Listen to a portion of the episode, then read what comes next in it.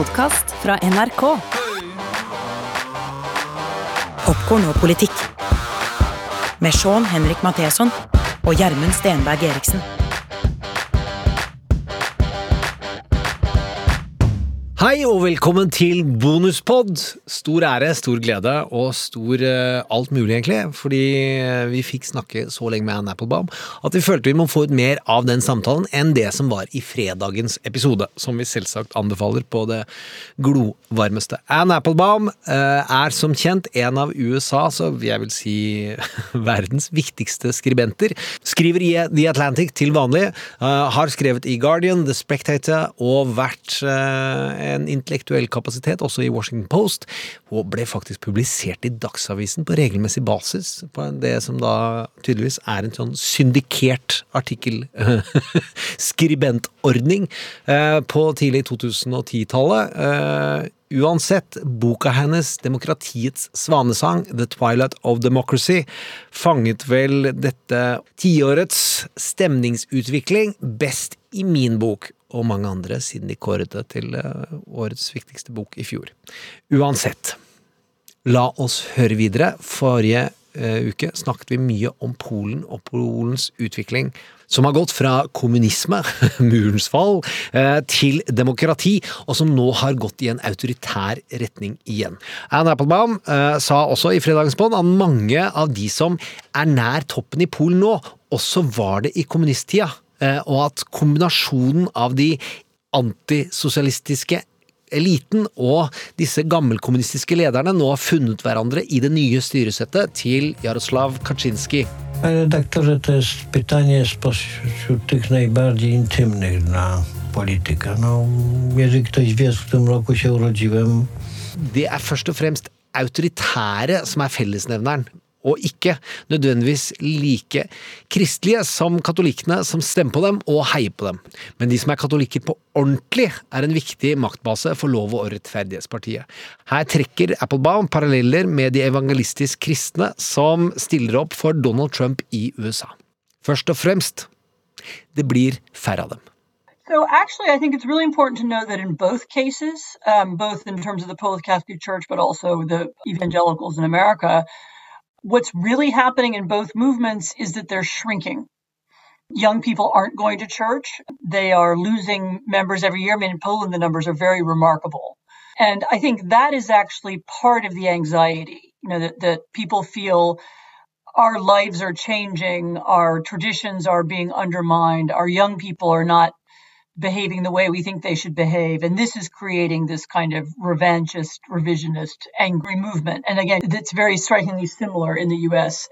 You know, in Poland, Catholicism, and this is really the fault of the Polish Catholic Church, so for many years, the, the Polish Catholic Church was a kind of national institution that was widely respected even by people who weren't religious. You know, it was seen as mm. The institution that fought communism, and there was enormous respect for the Polish Pope, John Paul II. You know, it was an institution that helped people all through the war and the communist period and so on. And it had a, it enjoyed a sort of neutral respect.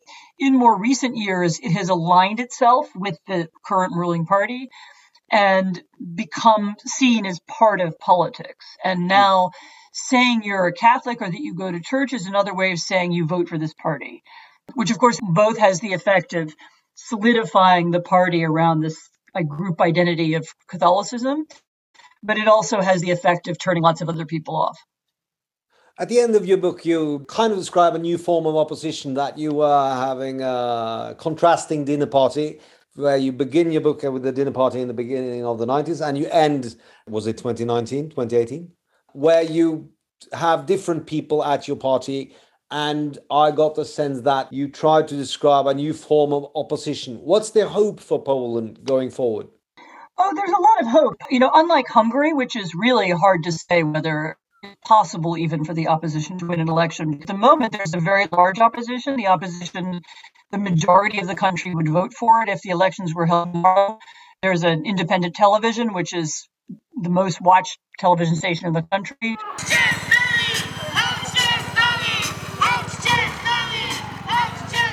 So you have a very strong opposition. I mean, it's it's divided into different parties.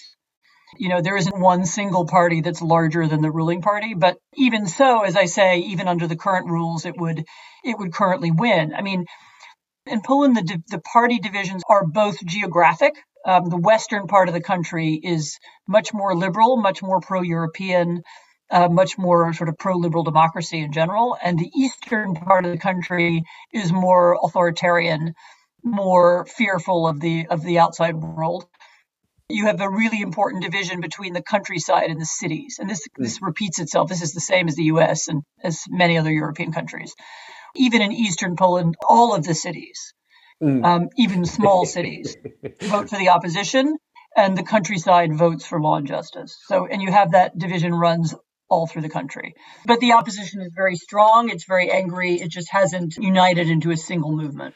Anne Applebaum mener altså at Polen har det Ungarn nesten har mistet, en opposisjon som er sinna, som bor i byene, som har den mest populære TV-kanalen, og som uh, orienterer seg mot Europa.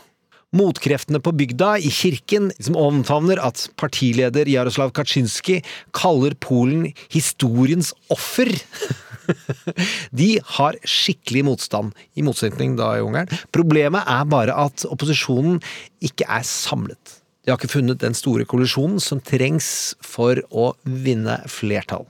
Det er mange paralleller mellom Polen, der ektemannen kommer fra, og USA. Det hun selv har vokst opp i.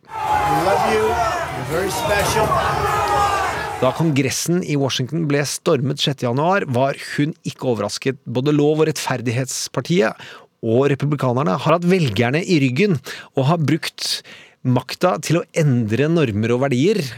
Donald Trumps tilhengere hadde fått fòret påstander om valgfusk allerede lenge før presidentvalget, og først senere er det lett å skjelne at også angrepet på Capitol Hill var en del av en større plan.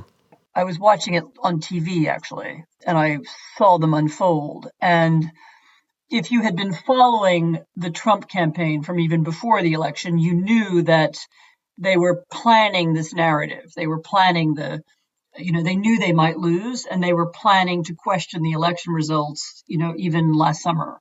And as the election got closer, you know, my magazine, The Atlantic, actually published a big piece describing almost exactly what they were going to do, which was to try to use some sort of weaknesses and holes in U.S. electoral law mm. to overturn the results in some states. So, for example, in Pennsylvania, they would try to, because you know that we vote by state in the presidential election, and it's it's now taken as a given that each state votes for the candidate who won the most votes in that state. And the Trump campaign was trying to convince some legislatures in Pennsylvania, state level legislatures, that they should do something different. And instead of following the votes of the people who live in Pennsylvania, they should decide themselves as the Pennsylvania state legislature. And the law around that is actually rather murky. And so I saw what they were doing before the election. And after the election, it was clear to me from the first night that Trump was not going to accept the result. It's going to be a very hard thing to concede because we know there was massive fraud. I know one thing Joe Biden did not get 80 million votes. And, you know, these fake lawsuits that they that they pursued all the way through December were, were part of that.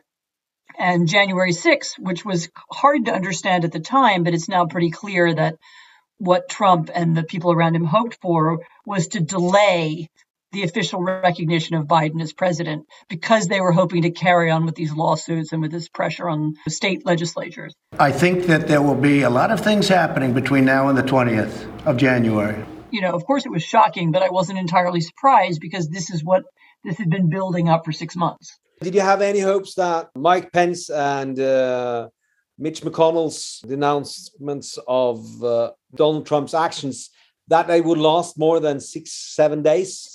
I was about to say, I guess I did hope they would. I was hoped it would be a kind of turning point and people yeah. would, you know, see what had happened.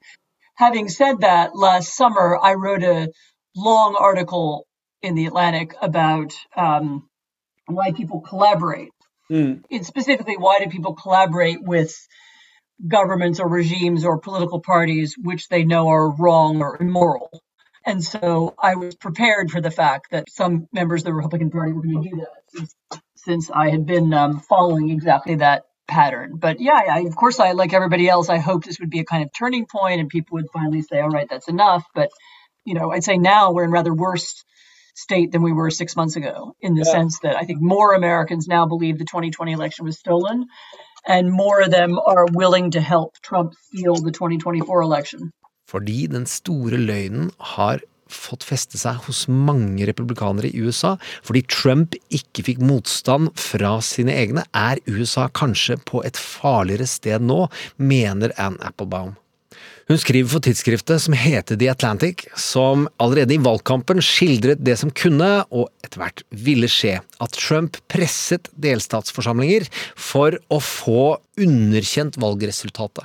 Den siste uka har Applebaum skrevet mer om angrepet på Kongressen. På Fox News har nemlig programleder Tucker Carlson presentert en såkalt dokumentar der folk har fått hevde at det i virkeligheten var venstreaktivister og FBI som sto bak angrepet.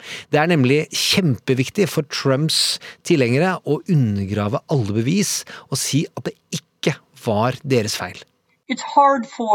Trumpist Republicans to deny that there was an attack on the Capitol. I mean, we all saw it, and you know, we saw it in real time, and there's pictures and so on.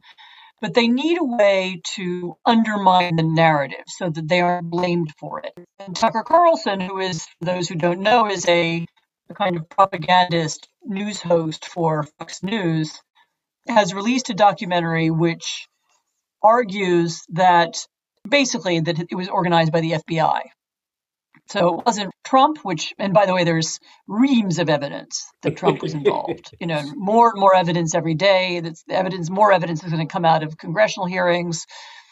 Fantastic new investigative series in the Washington Post. In other mm. words, it's very evident. But they need to undermine that. And so they're arguing that the FBI organized it in order to attract the far right and in order to somehow eliminate, arrest, and eliminate them. White nationalism. Let's be literal for a minute. What is that exactly? This is an attractive narrative for people because if that's true, then they're they're absolved of blame. I mean, then it wasn't their fault; it was the FBI's fault. Mm. But it's a very insidious narrative because it's one of these narrative stories that will build further distrust, not just for the electoral system, you know, but for the FBI, for the American law enforcement. There's a strand in the movie that criticizes the American military because the American military has now become worried about numbers of white supremacists and extremists, some of them who were at the Capitol and some who are still in their ranks. So the documentary is a way of flipping the story on its head.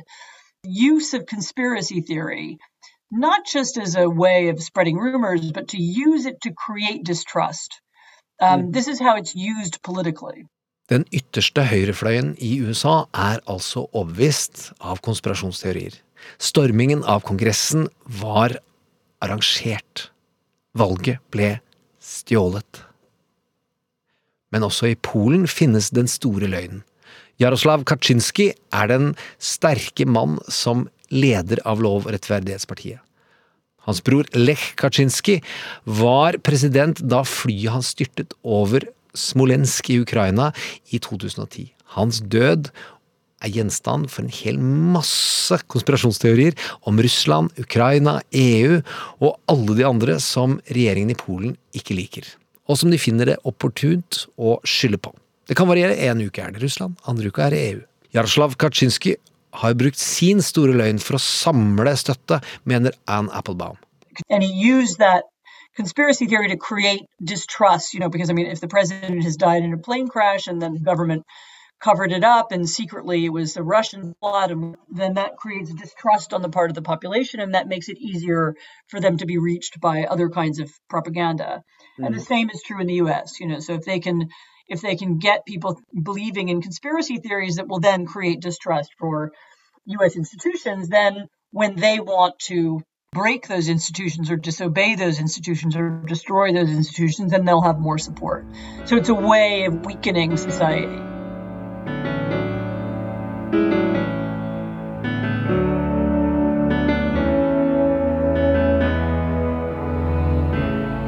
They say it's just a dream, some dreamer's dream, that it's an empty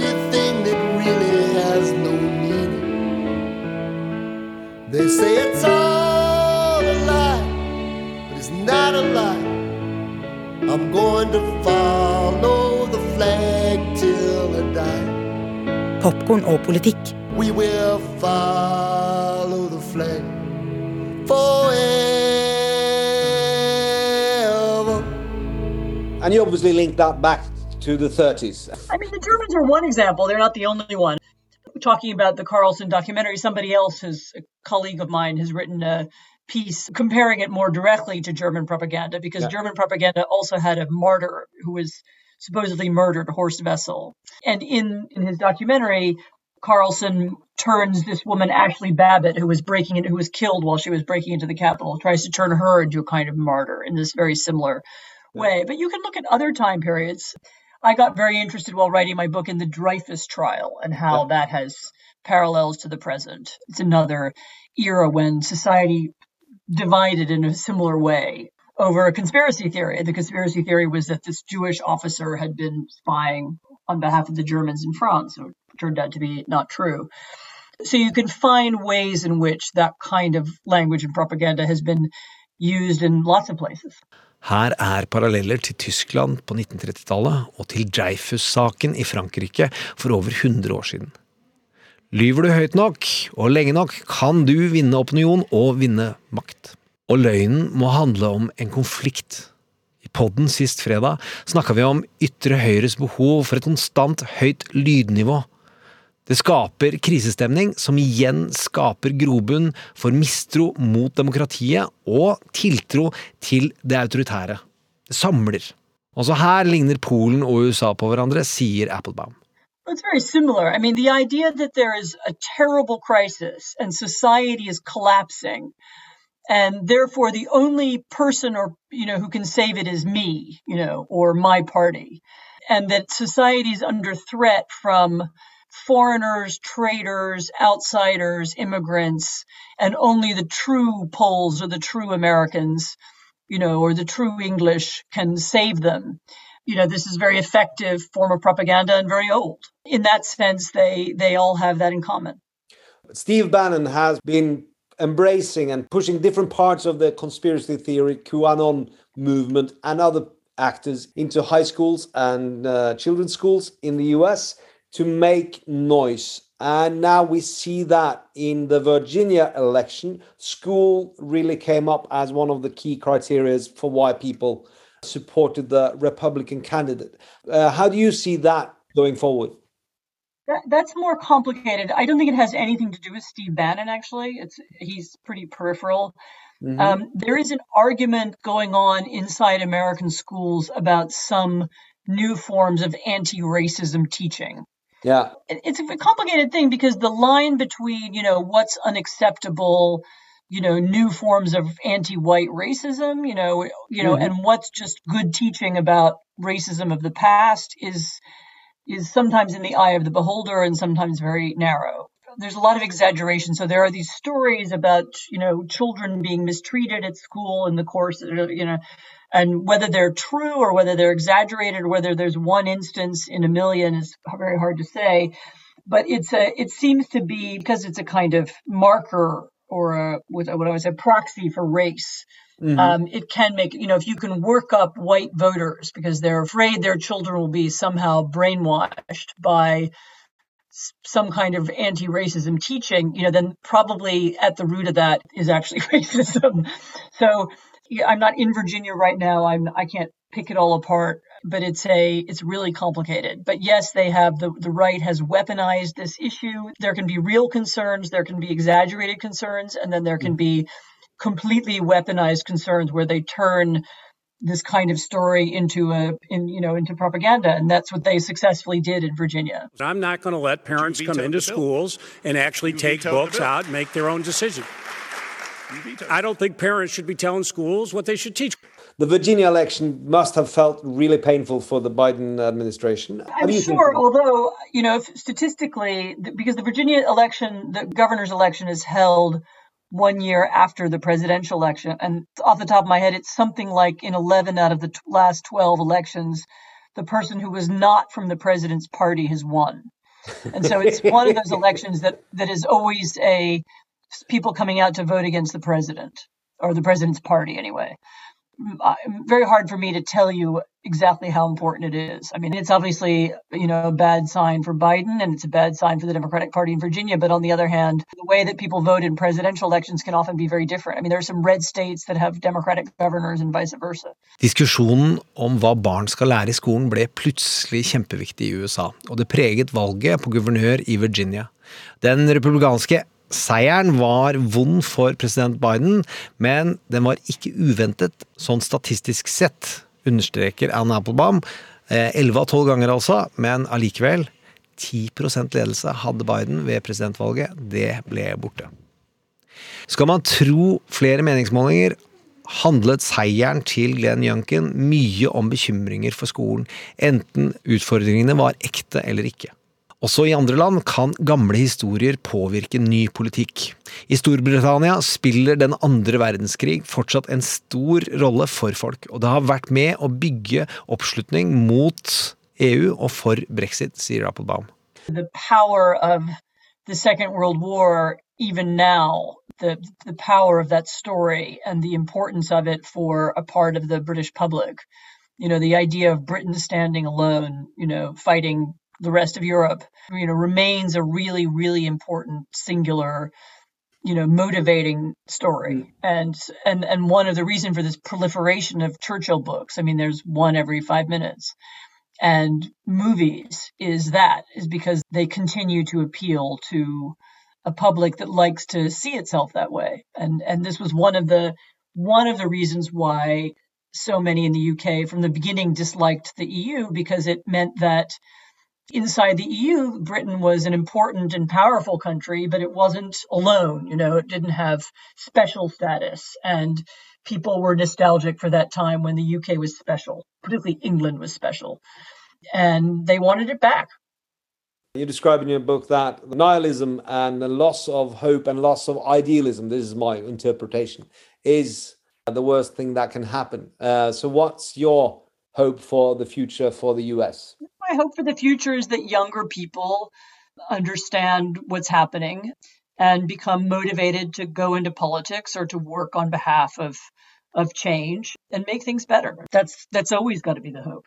If you look at the numbers, the numbers are uh, false. The numbers are corrupt. It was a rigged election, 100%, and people know it democracy has always been fragile and it has always been possible to overthrow it, you know, with the right combination of personalities and tactics. And the founders of the United States knew that and talked about it in their the conversations they had before writing the Constitution. And all of us experienced that in Europe, you know, less than 100 years ago. So, you know, this idea that democracy was somehow impregnable or couldn't be overturned was always false. So realizing that that's the case and remembering that it's a political system that demands a lot of public participation if it's going to work. As I said, I hope younger people see that and understand it and um, involve themselves. Anna Applebaum, thank you so much for saying yes to talking to us and good luck and hope you write a new book as soon as possible. Great. Thank you so much. Det var det hele. Husk oss på fredag, og husk på å abonnere i NRK radioappen. Altså, du må gå inn brukernavn og passord må du lagre, og da får du de varslene og de podene du ønsker i den rekkefølgen eh, du selv bestemmer. Eh, og så blir det veldig moro episode på fredag. Jeg tror vi skal dekke et ganske fremmed land. Sverige! og ta for oss noen utrolig sterke dramasituasjoner fra virkeligheten og i politikken. Så skal vi snakke om hvordan dette får voldelige konsekvenser. Altså opphopningen av aggresjon over tid har gitt forferdelige utslag. Én ting er Norge, men også Sverige. Og vi skal ha det mørkt og moro fra resten av verden også. Hege Ulstein politisk kommentator og forfatter av boken Tillitsmannen om Martin Kolberg og Arbeiderpartiets, la oss si dramatiske liv etter eh, Kolberg har vel eh, holdt på siden 70-tallet, så han har sett en del fra innsiden. Det skal vi se på i et eh, dramaturgisk perspektiv. Så skal vi se på hva som skjer med sosialdemokratiet i Sverige, og hvilke konsekvenser det har fått. Så selvsagt serier og film. Popkorn og politikk. For jeg er ikke sjuk. Jeg er bare svensk. Jeg er ikke sjuk. Nei, jeg er bare svensk. En podkast fra NRK. De nyeste episodene hører du først i appen NRK Radio. Hei, jeg heter Marie Hammerstrøm og er astrofysiker. Visste du at jorda kommer til å gå under en dag? Hva gjør vi da? Jeg heter Andreas Wahl. I Burde vært pensum skal jeg dele min kunnskap med deg. Kunnskap som kanskje får deg til å tenke litt annerledes på ting. Hei, jeg heter Sofie Høgstøl og er jusforsker. Visste du at en halv million nordmenn har lærevansker? Jeg er en av disse. Er du også? Podkasten Burde vært pensum hører du først i appen NRK Radio.